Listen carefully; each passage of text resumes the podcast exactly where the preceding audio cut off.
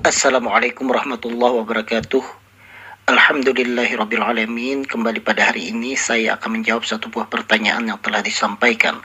Assalamualaikum dokter. Waalaikumsalam warahmatullahi wabarakatuh. Saya mempunyai paman yang menurut dokter mengidap penyakit hemofilia. Usia beliau sekitar 40 tahun.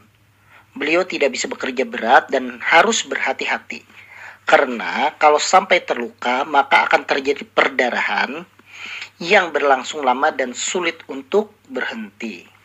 Yang mau saya tanyakan, apakah penyakit ini dapat menurun kepada anggota keluarga lainnya? Kemudian, apakah ada buah-buahan atau makanan alami yang dianjurkan untuk dikonsumsi? Setahu saya saat ini beliau rutin disuntikan obat pembeku darah. Meskipun tidak sedang luka. Benarkah dok? Terima kasih atas penjelasannya dok dari Mahendra. Baik Bapak Mahendra, terima kasih banyak atas pertanyaannya. Kita hari ini berbicara tentang hemofilia. Baik, hemofilia ini adalah penyakit gangguan pembekuan darah.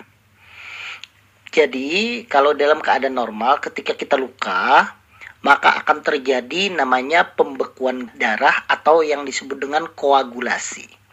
Pembekuan darah itu memerlukan faktor-faktor pembekuan.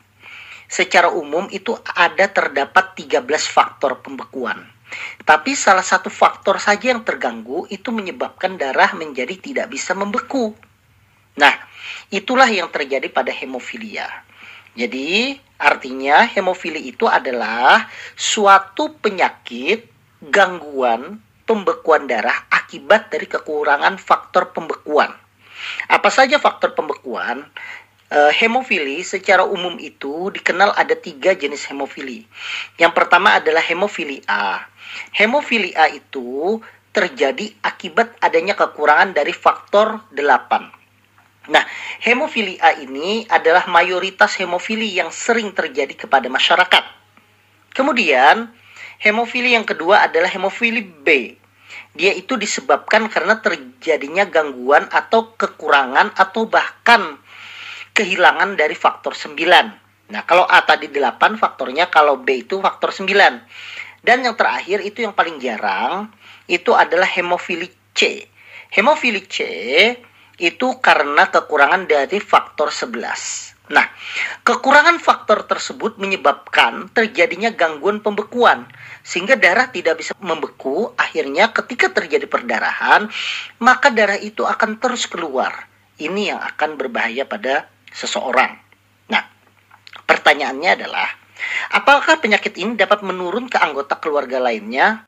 Secara umum, hemofili memang disebut dengan penyakit mutasi genetik yang diturunkan mempengaruhi kromosom X. Jadi, kalau kromosom X berarti dia itu kalau mengenai laki-laki dia akan bergejala. Makanya seperti pamannya Bapak Hendra itu karena dia laki-laki, maka dia bergejala. Kalau pada perempuan, dia lebih sering menjadi pembawa atau dalam bahasa kitanya disebut dengan karier. Karena perempuan itu gennya itu adalah XX. Sehingga begitu satu X terkena hemofili tapi ada X lain yang menutupinya sehingga tidak terjadi gejala hemofili. Kalau pada laki-laki karena dia XY, begitu X-nya terkena, dia langsung akan menyebabkan terjadinya penyakit hemofilia tersebut. Jadi memang betul, dia itu menurun kepada khususnya kepada turunannya langsung yaitu anaknya dan seringnya itu menyerang pada laki-laki. Jadi berhati-hati untuk anak laki-laki tersebut. Kemudian pertanyaannya lagi, apakah ada buah-buahan atau makanan alami yang dianjurkan untuk dikonsumsi. Sepengetahuan saya bahwa hemofili itu terjadi tadi karena dia itu terjadinya kekurangan faktor 8, kemudian ada faktor 9 dan juga ada faktor 11. Nah, selama ini yang saya baca tidak ada buah-buahan ataupun makan makanan yang dapat meningkatkan faktor tersebut. Sehingga pada seseorang yang terkena hemofili memang terapinya itu adalah terapi untuk memberikan faktor yang kurang tersebut. Sebagai contoh misalnya, kalau seseorang itu terkena hemofili A berarti dia harus diberikan suntikan obat faktor 8. Kalau dia terkena hemofili B, maka dia harus diberikan obat faktor 9. Dan kalau dia hemofili C, maka dia harus diberikan obat suntikan faktor 11 seperti itu. Karena kalau seandainya makan makanan atau buah-buahan yang secara spesifik sampai sekarang saya belum menemukan hal tersebut. Nah, kemudian pertanyaan terakhir, setahu saya saat ini beliau rutin disuntikan obat pembeku darah meskipun tidak sedang luka. Benarkah? Jadi memang hemofili itu terbagi menjadi tiga kalau dari beratnya. Yang pertama itu adalah hemofilia ringan Hemofilia ringan itu jumlah faktor pembukuan yang ada di dalam darah. Artinya misalnya ini hemofilia A, berarti jumlah faktor delapannya itu antara 5 sampai 50%. Kalau normal itu harus di atas 50% karena dengan di atas 50% maka pembukuan akan cepat terjadi. Nah, pada orang yang hemofili, faktor delapannya itu yang hemofilia, faktor delapannya itu yang ringan itu antara 5 sampai 50% penderita hemofili ini biasanya tidak menunjukkan gejala yang berarti, namun akan terjadi perdarahan yang sulit berhenti jika luka yang dialami cukup parah atau baru menjalani prosedur medis seperti misalnya operasi atau misalnya cabut gigi atau misalnya disunat. Nah, saya uh, lebih lebih mencurigai mungkin pamannya Bapak Hendra ini adalah hemofili yang kategori ringan. Karena biasanya kalau yang berat itu di Indonesia karena edukasi yang rendah jarang eh, pasien-pasien dapat bertahan sampai di atas usia 30 tahun. Sedangkan pamannya Bapak Hendra ini sudah berusia 40 tahun dan hanya berdarah ketika terjadi sesuatu. Nah, ini kemungkinan adalah hemofili yang ringan. Kemudian ada lagi namanya hemofili sedang.